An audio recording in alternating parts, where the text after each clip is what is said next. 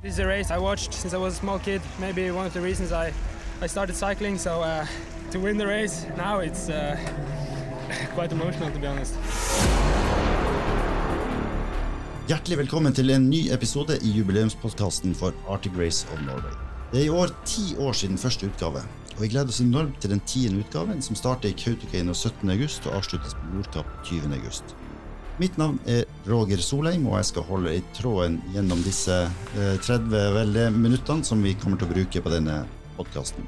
I forrige episode var vi i Narvik. Nå er vi i Mo i Rana, som har vært vertskap to ganger i 2016 og 2022. Vi er i lokalene til Rana La. Men aller først, Knut Erik, vi hørte i forrige episode at det var folkefest i Narvik. Da sa du at det som møtte dere i Mo i Rana, var også veldig bra. Ta Fortell litt om det.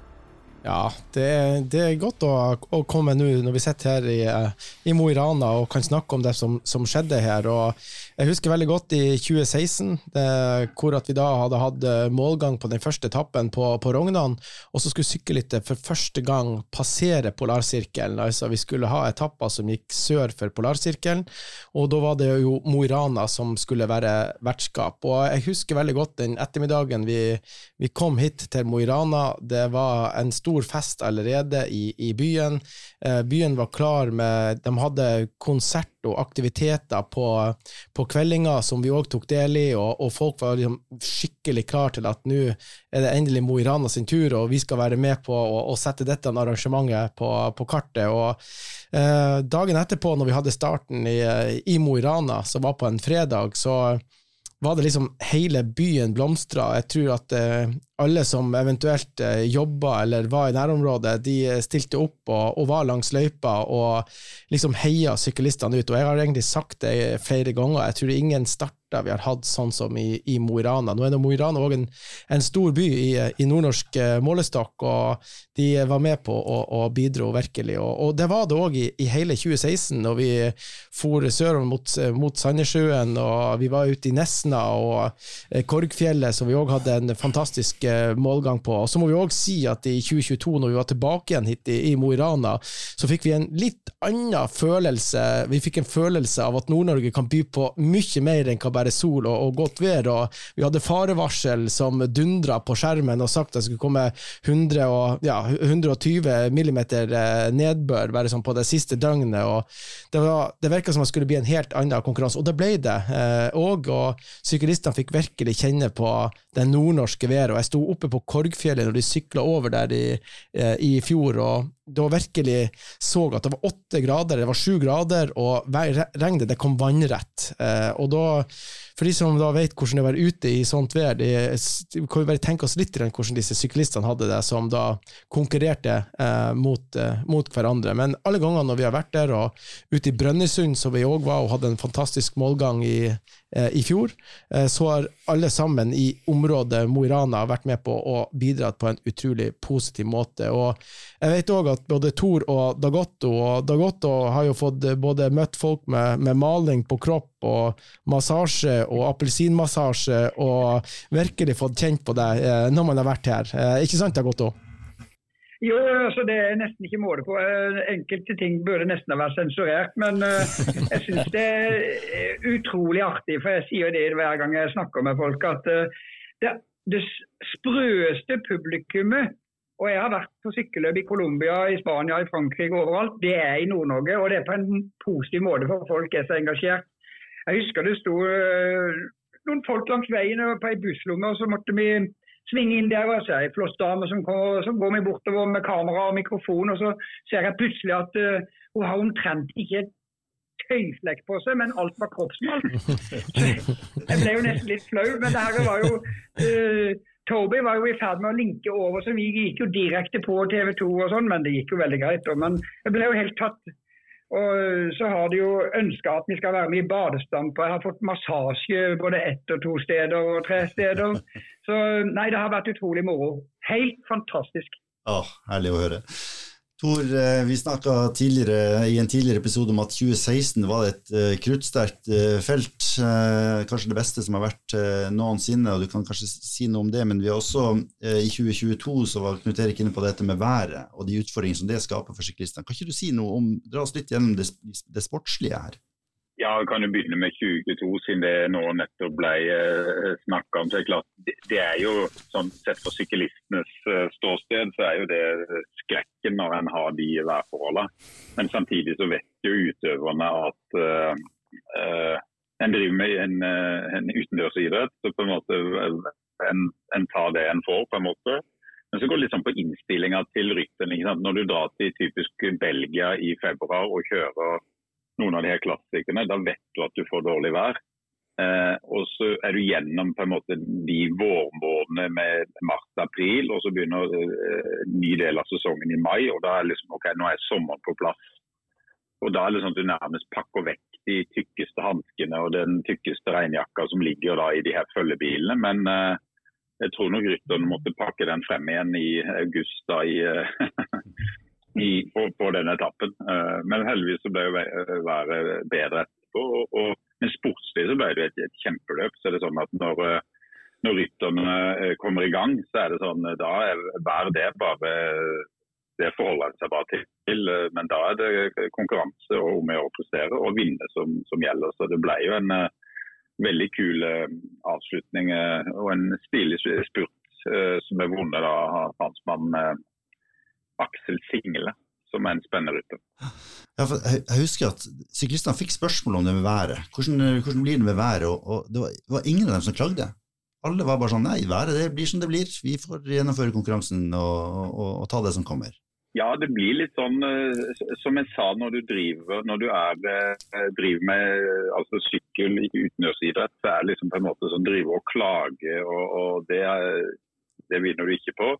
Men det er klart du må jo mentalt innstille, for du vet at okay, her blir det fire guffende timer eh, som du må kanskje sitte og hakke og fryse.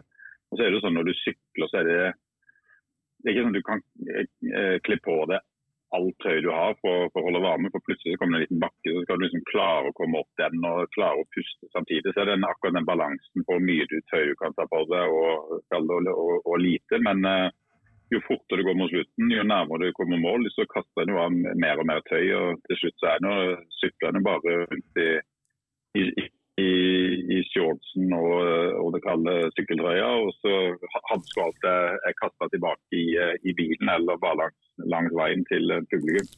Og så må jeg spørre deg, eh, Det Gotto, eh, på det samme. Hvis vi nå er på det siste året, og, og været som da var som det var, og vi husker 2016 som var et eh, fantastisk folkeliv, og jeg så jo at det var mange som hadde pynta og gjort klar til å være med veien, men, men, vi så ikke så mange når det var så plastdårlig vær som det var i, i fjor, og starten som vi hadde i, i Mo i Rana.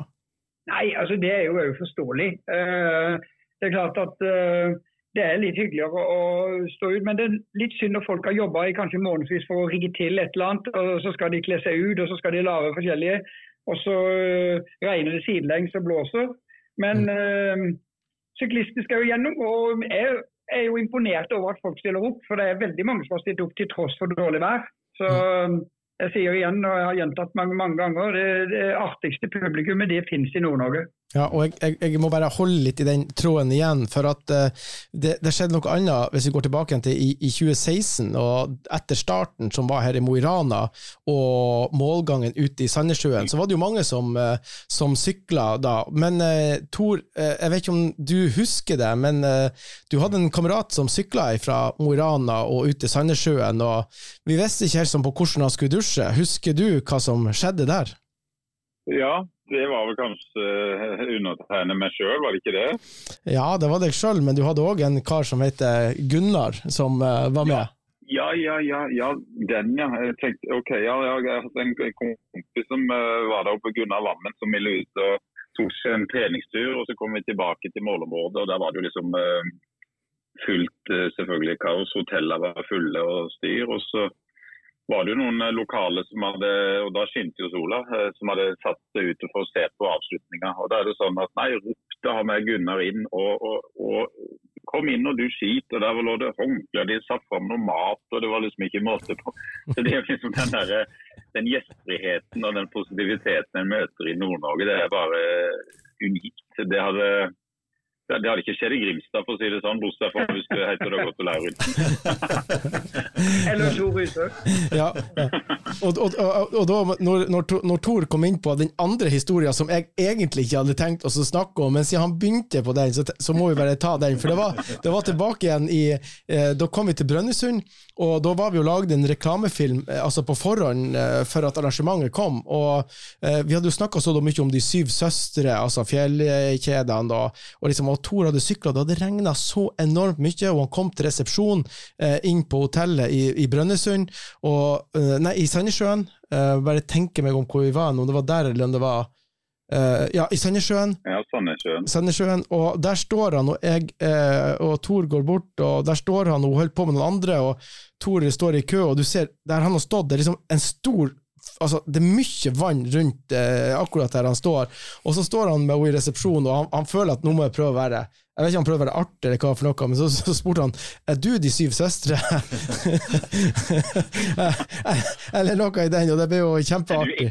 Er du en av de syv søstre? Ja, det var det som var. Er du en av de syv søstre? Og da vi snakka så mye om de syv søstre for hva det var for noe, så han bare lurte på er du en av, av dem. Det er veldig bra. Vi skal, vi skal videre i programmet, men, men eh, jeg har bare lyst til å stille et spørsmål til, Tor, om uh, dette 2016-rittet. fordi at uh, det ble satt en ganske uslåelig rekord opp Korgfjellet. Eh, Knut Erik nevnte at det var en, en, en, eh, avslutning på, på Korgfjellet. Hva, kan man si om, om, eh, om det?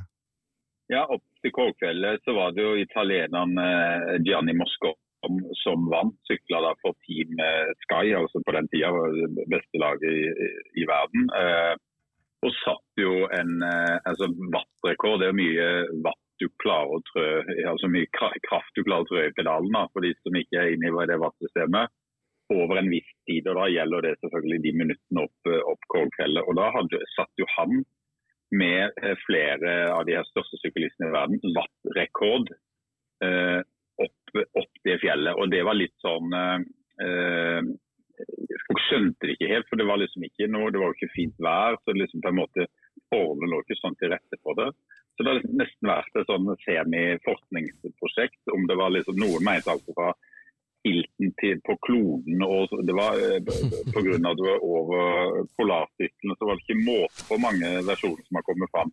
Men det å, så, sånn som det fungerer i dag, det er mange syklister som får eh, profftilbud, altså en proffkontrakt, ikke pga. resultatet. Men da er det sånn trenere som går inn og ser på wattverdien, at du klarer å produsere så og så mye watt. Da må du ha en stor motor. Eh, og da er, det, da er det fornuftig å komme til Arctic Race, sykle, prestere høye wattverdier, og så ha det på CV-en. Nok et argument for å være med i Arctic Race. Vi skal videre, fordi at eh, vi har snakka om dette, de flotte arrangementene som har vært eh, og møtt Arctic Race eh, i, i Mo i Rana og, og rundt her. Og vi har med oss en, en gjest her som jeg vil introdusere, som heter Asker Krutå. Som har vært ansvarlig for veldig mye av organisering av frivillighet helt siden tilbake på 80-tallet, og har hatt ansvar for for både NM på, på ski og i skiskyting og, og, og, og mye mer. Velkommen til oss, Asgeir. Takk for det. Hvordan eh, var det for deg å, å, å møte Arctic Race of Norway? Jo, det var jo eh, fantastisk spennende, men òg litt eh, skremmende. Og når jeg ble innkalla til, invitert til å ta et møte som sportsidiot eh, med, om Arctic Race, så gikk jo jeg oppover til rådhuset med ambisjoner om at eh, her skal vi interessert i å snakke om. Og når vi timen etterpå kom hjem til kona og sa at nå har jeg fått meg jobb, og ja, hva er det? Nei, det er noe å skaffe 250 fri, til 300 frivillige. Og, og 149 løypevakter og 17 sånn stasjonærvakter som er godt utdanna, og da sa jeg gratulerer, da er denne sommeren gått. Ja, ja, hva, tenker, hva tenker man da? Nei, det, det, det ble jo tegna det du sier, har vært med på mye fra 80-tallet, og de her eh, fuglingene som sto nå i spissen fra kommunen. Og prosjektlederen de sier jo at Asker, det er klart du har jo jobba på tvers av alle lagene i 40 år, og det er noen telefoner, så har vi bare også hvor vi skal plassere alle. Og sånn ble det jo ikke, da.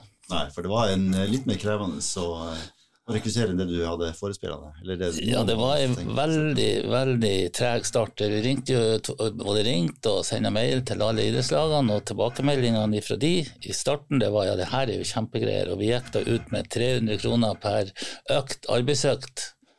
Så vi trodde jo at eh, alle idrettslagene var interessert i å få tak i de pengene. Ja, For det er en slags dugnad i det? Altså, det er jo dugnad, og, ja, ikke sant? Det jo, og vi presiserte jo det her er jo noe av det største vi kan få idrettsarrangement her. Det var alle enig i. Og så er det bare én dag. Det er jo fantastisk å kunne få penger til laget bare for å jobbe én dag. Men eh, det virka ikke, og eh, masse, masse møter. Og 15. mai hadde vi 25 stykker. så det var, det var, litt nervepirrende. Og så kom da Helgelendingen ut med et budskap som eh, Det er jo samme område, så mange som leser den. I Mosjøen var det 800 kroner i, i, premie for å stille opp. Så da ble det jo da et hastemøte der vi ble enige om å sette opp eh, til 500. Og det, og det, var jo positivt. da. Så etter hvert så begynte det her å rulle, og, og de beste ververne, ikke sant, det, er jo, det viser jo Vi har jo en stab her i Rana med frivillige som har holdt på like lenge som meg, og begynner å bli godt voksen. Eh, når de begynner å prate om at de har meldt seg på, vi fikk en 20-30 av de, og så prata de med venner, venners venner, da begynte det virkelig å rulle. Mm. Og det ordna seg til slutt? Det ordna seg til slutt. En, vi hadde en tippekonkurranse i, i, komiteen der når det var på det verste, og den største optimisten sa 1.6 er vi ferdig. Og den største pessimisten, så jeg var blant Vi var to. Vi må ha det her på plass 1.7, men 28.7 var vi i mål. 28. juli. 28. juli. Det var ikke lenge igjen til det. Det var ikke lenge igjen, men da arrangerte vi jo selvfølgelig et, et stort møte i Ranahallen, der samtlige møtte opp og fikk sine populære jakker. De slo jo veldig godt an. Og postinstruks og alt. Og det var da Værmeldingene var jo allerede da begynt å komme, at det her blir tøft. Men som Knut Erik har nevnt mange ganger, den festen som var ved start i 2016, det skal jo vi overgå. Men eh, det skulle være byfest på dagen før. Alle butikkene på Amfi de skulle ut i gata. De ordna opp med Bodø og greier. Og det været vi hadde da den onsdagen, det vet dere hvordan det var. Altså det, det, gikk jo da over ifra å arrangere en byfest til å berge det som berges kunne, mm. som var satt ut. For det var full storm, og alt ble avlyst. Ja, Det sier eh, litt om, eh, om, om, hvordan det kan gå, eh, og hvor avhengig man er av, av været. Men Knut Erik, når du hører på det Asgeir sier her om den jobben som gjøres lokalt med å, å, få ting på plass, hva tenker du da? Nei, Det, det er ubeskrivelig. altså. Den jobben som da gjøres med, med, kommunene, og ikke minst de som kommunene tar med seg inn og er med på og bidrar til å kunne løfte arrangementet lokalt, altså, det er helt avgjørende. Og uten disse folkene som stiller opp og er løypevakter, så er det jo sånn at et, et, en fotballklubb, et, et skianlegg eller toppanlegg, de, de, har sin arena, og du trenger ikke å, å, stenge veier eller kryss eller hva det måtte være. Og, og for oss så er vår idrettsarena veien, og, og, veien den har mange krysninger med, med, med, kryss inn og ut eh, av en hovedvei. og Hvis ikke vi er sikre på at vi kan ha et optimalt sykkelritt for å ivareta sikkerheten til de som sykler, så er det umulig for oss å kunne gjennomføre. Så det de gjør, det er helt uh, uvurderlig, og det er vi veldig glad for at man gjør her i Mo i Rana. men men ikke minst at man har gjort på alle plassene har, eh, og de plassene som har vært vertskap for, for Arctic Race, så eh, er det en utrolig viktig jobb som, som, gjøres der for at vi skal kunne levere et godt arrangement. Da sier jeg tusen takk, Asker, for at du var der, der jeg, litt, jeg, jeg, må bare si litt, Roger, for det er såpass eh, viktig del av, av jobben. De frivillige, altså Den jobben de frivillige gjør. Når jeg er inne på sikkerhet til rytterne. Jeg har vært inne på det Eh, før i podkasten at uh, liksom det viktigste altså det, er alt, uh, veldig bra med alt som skjer rundt Arctic Race, men det er liksom det sportslige. Det, det, det det som er det kaller viktigste. Og så er det jo på en måte alt rundt som, som er bare positivt og bra. Men sikkerheten til rytterne det er selvfølgelig vanvittig viktig. Og det har aldri eh, bank i bordet vært en, en altså skumle opplevelse, og Det har aldri vært noe negativt fra rytternes side. og Det er så, det er så viktig, for det tar de med seg videre i i eh, miljøet innad i sant, At det der blir ivaretatt. Eh, så absolutt stor, stor honnør og klapp til alle som eh, er med og bidrar. Så helt fantastisk. Veldig bra, Tore. Det Ja, veldig jeg har viktig lyst til å- budskap. lyst til å hive meg på det, hvis jeg kan få lov til det. Ja, vær så god, jeg er ikke enig med Tor. Og, ja, jeg, jeg må jo si at det, det er viktig, alt det Tor sier. Det er så viktig med de der frivillige. og Jeg kjører jo alle løypene i forkant av rytterne, og jeg har kjørt mange andre sykkelløp, både i Norge og andre steder. Men du føler deg 100 trygg, fordi at vi har, har klart å skaffe så mange frivillige som gjør en fantastisk innsats. Så eh, helt enig med Tor. All ære, og jeg håper de skjønner at eh, alle setter veldig pris på den eh, frivillige innsatsen som er for at dette skal være mulig. Helt til slutt, Asker. Um, Syns du det var verdt innsatsen? Ja, jeg syns det var verdt innsatsen, og ikke minst det, og det som er så gledelig, det er å se stoltheten ut av de 250 som var med på å arrangere her. Altså de, vi får følelsen av at her har vi virkelig vært med og bidratt noe til Nord-Norge, til Nordland, til Mo i Rana, Helgeland og, og alt. Og, og jeg ser bare hvor mange som går rundt med de Arctic Race-jakkene og bærer den med stolthet. Og, og, og så det, at det, og det her å oppleve at det, blir sendt på TV til over 190 land, det er klart det, merkes i hodet på folk som har gjort en, en innsats. Så det er vel verdt det, og, og vi er klar til neste gang. Du bare husk det. Ja, det er godt, det er godt å høre, ikke sant, Knut Erik. Men da skal, vi, da skal vi eh, videre si tusen takk til deg, Oskar, for at du var med og, og belyste oss, eh, opplyste oss om, om hvordan det er å, å organisere det frivillige på, på det lokale planet. Da skal vi få med oss eh, to nye gjester inn i studio her. Fra den yngre garde, hvis vi kan si det. da. Det er to unge syklister som heter, er og et søskenpar faktisk, som eh, heter Regine Solhaug Hansen og Martin Solhaug Hansen. Velkommen til oss begge to. Tusen takk. Tusen takk. Dere er jo eh, som sagt unge syklister. Martin, du er på, på UnoX sitt uh, utviklingslag, og Regine, du er også uh, ivrig uh, syklist og aktiv på, på mange, mange plan. Um, kan, kan du, Martin, først si litt om hva Arctic Race of Norway har betydd for deg? Det har betydd ganske mye. Første gang Arctic Race var i Mosjøen, så var jeg 13 år, i 2016. Da var jeg en ung syklist. Jeg hadde egentlig ikke store tanker om å bli noe proffsyklist sjøl, før eh, jeg så det, det store sirkuset med Arctic Race, og så at eh, folk kunne leve av sykkel, som var det jeg holdt på med for å ha det artig med kompiser. Mm. Du Regine, du var ti år i eh, 2016. Men du har også en liten opplevelse fra, fra den tida. Ja, jeg fikk jo oppleve å se de store syklistene og møte godt, og det synes jeg var ganske kult. Ja, for eh, du ga han eh, en liten gave, gjorde du ikke? Jeg ga en liten sjokoladeplate i bilen. Ja, det tenkte du vel, da godt òg? Ja, de trengte eh, Det er så moro når jeg treffer alle disse. Jeg hører jo at Regine ikke var så gammel den gangen, så jeg, jeg husker ikke akkurat den episoden. Men jeg husker veldig mange steder hvor folk er så utrolig hyggelige. De har lyst til å ta bilder sammen når de kommer med små gaver som de har lagd hjemme. Noen har tegnet portretter og alt mulig. Så vi setter utrolig pris på det. og jeg må jo si at det er ikke alltid jeg klarer å stoppe med de folka som står langs veien.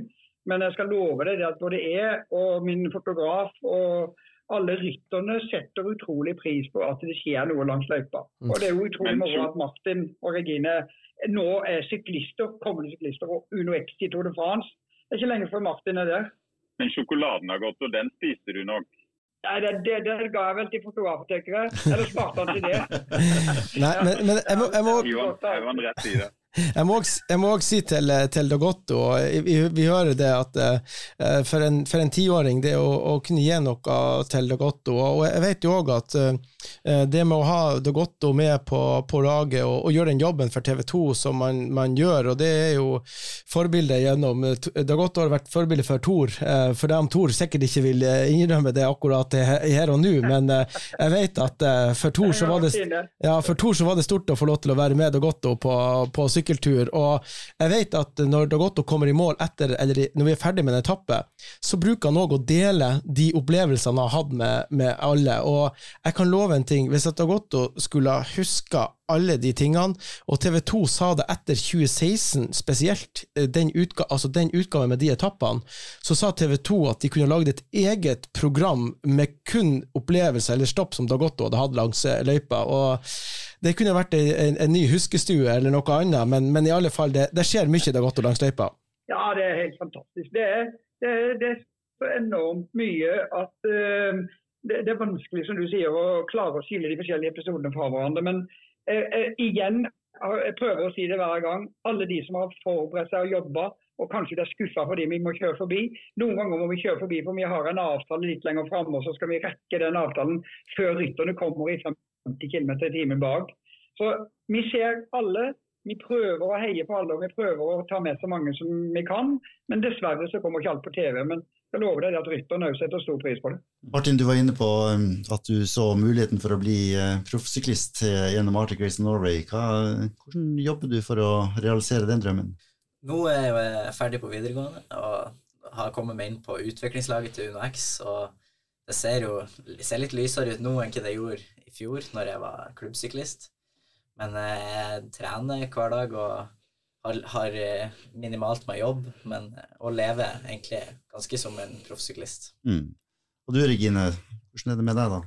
Jeg går fortsatt på ungdomsskole, så jeg har ikke så mye tid som Martin til å trene, men jeg får trent hver dag som regel. Mm. Du sykler mye på Korgfjell, gjør du ikke det, Regine? Jo, det blir et par ganger i året. Men Martin, jeg må spørre deg òg, og Tor og Dag Otto kan sikkert være med på det. Men nå når du er kommet inn blant UnoX, og UnoX skal jo da for første gang så har vi et norsk eh, lag som stiller på start til, til Tour de France. Eh, hva du tenker om å være med på et, et lag som skal eh, sykle Tour de France? Først og fremst er det, jo, det er jo veldig stort for oss som lag, og jeg merker det på alle fra Steff til ryttere at det er liksom veldig med stort engasjement for at vi skal endelig få lov å delta i Tour de France. Enn for deg, hva du skal være med på nå framover, som du vet om? For meg er neste Sibiu-tur om eh, ca. fem uker, som jeg ser fram til et etappeløp med en del høydemeter som passer meg veldig bra. Mm. Dagotto eller Tor, har dere sykla noen ting der, og har dere noen tips til Martin? Det må være to, tror jeg, for um, jeg kjører jo dessverre oftest bil. Men um, ja. ja. Men du kan gi tips for det? Uh, tips til Martin er knallhardt arbeid. Uh, men du må huske på å ha det gøy samtidig. Og uh, fortsett, for det, det er jo ikke noe tvil. Det er litt teit å si, men øving er mester. Og nå er du kommet inn i et miljø hvor du får mye gode råd og alt mulig, så det er bare å stå på. I min verden så er ingenting umulig, men det kan ta litt lengre tid. Men det krever mye viljestyrke, så det er bare å gi gass. Ja, Det blir veldig spennende å, å, å følge deg, Martin. Og du er jo nå i eh, en fantastisk eh, bra stall som er flinke til å ta vare på unge norske eller unge skandinaviske ryttere. Eh, gi de muligheten. Så hvis du tar den muligheten, så, så er jo så jo eh, Døra står der, så du må liksom bare eh, Denne her muligheten hadde ikke jeg når jeg var kallet på, på, din alder. Da var det ikke sånn norsk lag som kunne gi unge ryttere det. Så det, ta, den, eh, ta, den, muligheten. Og så er jeg litt, er litt sånn nysgjerrig på hva, hva, er dine personlige mål? Hva tenker du er liksom innenfor og litt sånn tidshorisont på det? Er det inn på toppen av laget og sykle til det som litt? Ja, i løpet av sesongen og neste år så har jeg mål om å ta min første UCI-seier og egentlig fortsette å utvikle meg som rytter. Litt imot uh, en type klatrer, da. Og så er det jo litt artig at det har gått å nevne det med å fortsette med leken. For det, det var jo egentlig sånn jeg starta med sykling. Jeg var ute og sykla med kompiser, hadde det bare artig, og sånn holdt jeg på i veldig mye lenger enn hva veldig mange andre syklister. Det var jo ikke før jeg var andre års junior jeg begynte liksom å satse skikkelig på sykling. Og Regine, hva er dine ambisjoner? Eh, det er å prøve å komme på lag. Eh, jeg har trent litt lenger. Martin er vært glad i å trene en del tidligere enn han. Jeg må også spørre Tor. Eh, Regine som er nå, hun er på tur ut av, av ungdomsskolen snart. Men, men, hva er det beste tipset, Tor, vi kan gi til henne som ja, Hun sitter sammen med oss i Mo i Rana, og jeg må si at begge to ser veldig, veldig spreke ut. Ja, jeg skulle akkurat til å spørre eh, Regine det, det, samme. Men eh, Unex har jo et, et, damelag, så det er jo sånn at det er jo en stor mulighet for, eh, for norske jenter og damesyklister å på en måte altså Veien til eh, det kalles store utland er jo eh, kortere når en, når en vet at en har lag som Unex som ønsker det mest skandinaviske ryttere, selv om Unex damelag er litt mer åpen på internasjonale. så jeg bare håper det at du tar den muligheten og, og, og følger, følger storebror. Han har tydeligvis vist det, så jeg får håpe Regina, at du er motivert. Ja, det er så absolutt. Mm, det er godt å høre. Da sier jeg tusen takk for at dere var med oss eh, i dag, eh, Regine og Martin. Det var veldig eh, spennende å høre om deres satsinger og ambisjoner innenfor sykkelsporten. Og så ønsker jeg dere masse lykke til videre. Tusen, tusen takk. Takk for at vi fikk komme. Veldig artig. Nei, men det er sånn, Tore, det, det er jo artig og, og, det er godt, og det er jo at uh, i Nord-Norge nå så begynner det å komme en del unge syklister, både altså herresida har vært, men òg på, på, på jentesida. Og tror dere at eh, det, det har noe med, med sykkelritt i nord å, å, gjøre?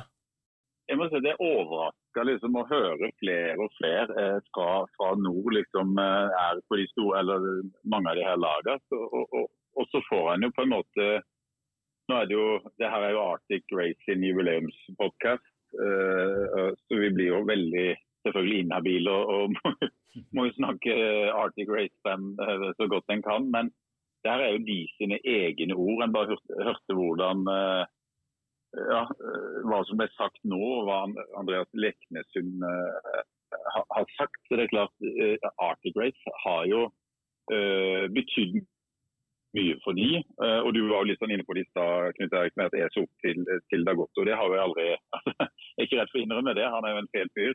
Mm. Eh, og, og, og, når Dagotto vant etappetouret i 1987, da var jeg ni år gammel, hadde akkurat begynt å sykle, da viste jo han at det her var mulig for altså, det var sånn, Jeg trodde det var nesten umulig å komme fra Norge og spesielt Grimstad og, og få til noe så stort, men da viste han at det er faktisk mulig. Så det ga meg håp. og det er jo det, er det som er med idrettsarrangement, om det er mesterskap som en ser på, men som kommer litt hjem. Det er at eh, Unge får det tett på seg. De får se utøverne, de får møte utøverne. Og så blir en motivert, og så får en rekruttering i gang, og så får en nye stjerner mest sannsynlig i fremtida. Så absolutt så har Arctic Race betydd mye for mange lokale i Nord-Norge. Det bringer oss uh, egentlig videre til neste tema som vi skal snakke om her. For at Arctic Race of Norway har jo ambisjoner, og har alltid hatt det, om å være så mye mer enn et sykkelritt. Og nå har vi fått en ny gjest inn i uh, vårt uh, lille podkaststudio her hos Rana Blad. Iselin Breirem, velkommen til oss. Ja, takk for det. Du er um, ansvarlig for omdømme og profilering av, av Mo i Rana og regionen her. og Hva tenker du om, om Arctic Race of Norway og, og betydninga som det har i, i den sammenhengen? Ja, nei, når vi fikk vite at Arctic Race of Norway igjen skulle komme til Mo i Rana i 2022, så sa jeg at det her er jo servering på sølvfat. Eh, den profileringa som byen får, er jo enorm. Altså så mange land som ser til oss. Og da vil jo vi også selvfølgelig vise byen eh, fra vår beste side. Og da får man i gang flere artige prosjekt. Eh, både liksom i liksom opprustning og sette i gang flere tiltak, og ikke minst den folkefesten så det betyr egentlig veldig mye å få lov til å få besøk av Arctic Race of Norway. Når man da får den beskjeden, hvordan, hvordan jobber man da? Hva er det man setter i gang med? Hvordan, ja, kan, kan du gi oss litt innblikk i, i hvordan dere jobber? Altså, det er jo et eh, enormt apparat, eh, som vi også var innom i stad, altså med de frivillige. Eh, enormt mange mennesker, eh, ressurser som skal til for å få det til. Eh, og for min del òg, så eh, i mitt prosjekt så hadde vi tenkt å gjøre et street art-prosjekt eh, i 2022. Eh, det fikk vi fremskynda ganske drastisk nettopp fordi at vi ville ha det klart til Arctic Race of Norway kom. Så vi starta med selve malinga 1. august, og ble ferdig da til, nei, til Arctic Race of Norway skulle komme. Så sånne ting er liksom med å få altså, igangsette og framskynde prosjekt, og at man får liksom den der Nå vil vi vise oss fra vår beste side. Så i 2022 så var det jo streetarten som ble fremskynda og igangsatt. Men også i 2016 så ble det jo satt opp en polarsirkel eh, i sentrum ved E6-en, eh, som jo er da armeringsstål fra Selsa, som da også ble laga til Arctic Race of Norway. Mm. Så det er artig at man får til sånne ting også så man involverer litt ulike miljøer sant, som kan eh, få lov å vise frem, vise hva de kan, kanskje mm. samarbeide med andre for å bygge noe som er større enn seg sjøl. Ja, både liksom i kunst, eh, som har snakka om nå, men også i folkefesten. Nå I 2022 så hadde vi ei scene, ordentlig fest på kvelden der, eh, men en blanding av eh, lokale band og nasjonale band. Så vi hadde liksom Ellis Kafé fra Rana, og så hadde vi også eh, Subwoofer, som da hadde vunnet Melodi Grand Prix. Så det ble en ordentlig bra fest, sjøl om været var jo ikke helt på våre sider. Men uh, igjen så skulle vi egentlig ha den uh, folkefesten uh, på ei, ei scene, men den ble litt for værutsatt, så vi måtte flytte den til et byrom som vi egentlig kanskje fikk litt øynene opp for ved at vi måtte flytte dit. Så det ble uteservering der for mange år siden, så ble det lagt ned, men nå har de starta det opp igjen. Og kanskje er det fordi at vi igjen fikk øynene opp for det byrommet, når vi eh, fikk masse, masse folk samla der under Arctic Race i fjor. Mm. Her i Mo i Rana er det storsatsing på ny industri, og, og det, og det klart, man, man, trenger flere folk til å komme til byen mm. og få og, sant, kompetanse, arbeidsplasser, fylle opp de jobbene som skal uh, skapes. Hvordan bidrar Arctic Race og Norway og andre sånne typer arrangementer til å gjøre uh, regionen mer attraktiv? Ja, det, det er jo mener liksom med servering på sølvfat, fordi at vi trenger internasjonal arbeidskraft. Og, å nå ut til uh, et internasjonalt marked, da er sånn som Arctic Race of Norway en perfekt anledning til å få vise oss fram og få satt Mo i Rana på kartet. Jeg må jo bare si at jeg syns at det, det, som, det, som, nå sies og gjøres her i Mo i Rana, og at man fremskynder prosjekter til det beste for prosjektet sin del, eh, og samtidig kan bruke det for å kunne fortelle en historie eh, ifra noe i sin by, i sin kommune eller sitt tettsted, eller hva det måtte være, det er utrolig artig at, eh, at man klarer å gjøre, og at man får med seg om det er myndigheter eller næringsaktører og andre med på, på det samme laget.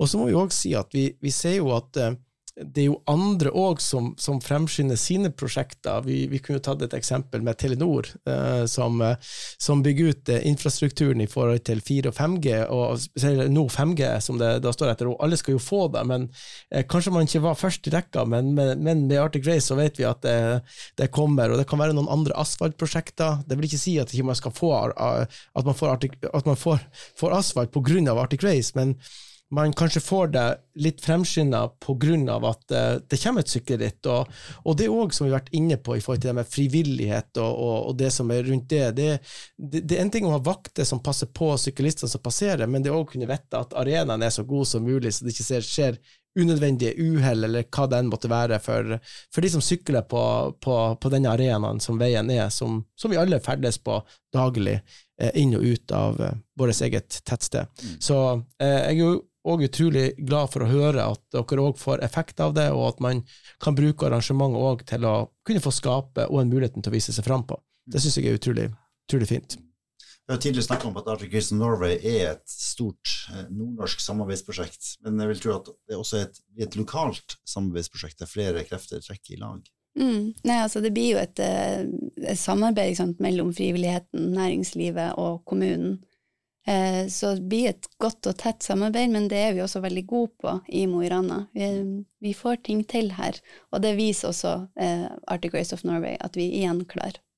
Det er godt å høre. Da skal vi gå inn for eh, landing. Tusen takk for at du var med oss, Iselin. Det var interessant å høre dine perspektiver på det her også. Vi har tidligere hørt om at Arctic Race of Norway har kryssa grensa til Finland. Men i neste episode skal vi til Finnmark og høre om da det var snakk om at Arctic Race of Norway skulle havne i Russland. Det blir spennende å høre om det, Knut Erik. Ja, det var en utrolig spennende ting, og det var mange ting som skjedde før 2018, og den jobben som ble gjort eh, både med, med, norske myndigheter og ikke minst russiske myndigheter for å ja, kunne gjøre en start, og ikke minst gjøre ei grensepassering i Finnmark i 2018. Ja, I dag er dette helt uaktuelt eh, og noe som folk ikke tenker på, men det var faktisk noe som kunne skjedd i 2018, så det skal vi høre mer om episode. Så jeg håper dere henger med da også. Tusen takk til alle som har bidratt eh, i denne episoden. Vi gleder oss til neste når vi skal til Finnmark.